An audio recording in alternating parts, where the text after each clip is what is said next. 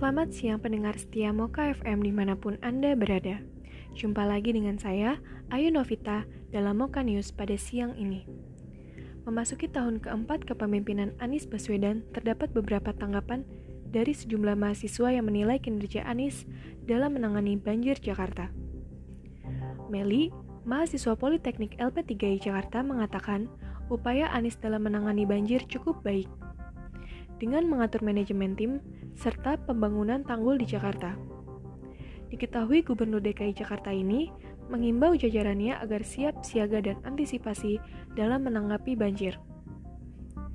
Dengan upayanya tersebut, masih ada yang menganggap Anies belum bisa menangani banjir Jakarta. Rizka, mahasiswa IISIP Jakarta berpendapat bahwa kinerja Anies dalam menanggapi banjir masih belum efektif dan efisien karena masih saja ada titik banjir yang menjadi langganan banjir ibu kota. Demikian informasi yang dapat kami sampaikan kepada Anda para pendengar setia Moka FM.